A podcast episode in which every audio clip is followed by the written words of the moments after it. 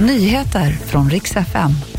Polisen förlänger specialinsatserna för att få stopp på våldsvågen i Stockholm. Så ska vi prata om en varning för blixthalka framåt kvällen och det gäller för norra Sverige.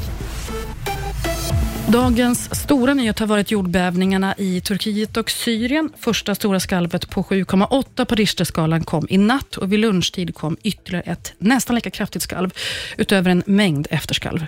Minst 1500 personer är bekräftat döda. Den här siffran väntas stiga och räddningsarbetet pågår. EU skickar också räddningsteam från åtta länder för att hjälpa till.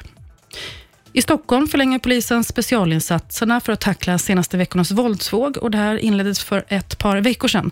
Poliser från övriga landet har också kallats in och nu förlängs det här till 26 februari så kommer en varning från SMHI som varnar för plötslig ishalka under kvällen. Och Det här gäller för Västerbotten och Norrbotten. Så om du ska ut och köra bil ikväll här så är det läge att vara lite extra försiktig. Och Vi ska avsluta med att ikväll är det dags för QX-galan och de har 25-årsjubileum på Cirkus i Stockholm. Sissela Kyle kommer att köra sin åttonde gala som konferencier. Det blir också hennes sista. Här ska prisas både filmer, låtar, dragshow, artister och så vidare nominerade för årets HBTQ är Daniela Ratana, Edvin Törnblom, Andreas Wilk, Oscar Sia och Tone Sekelius. Och det var nyheterna. Jag heter Maria Granström.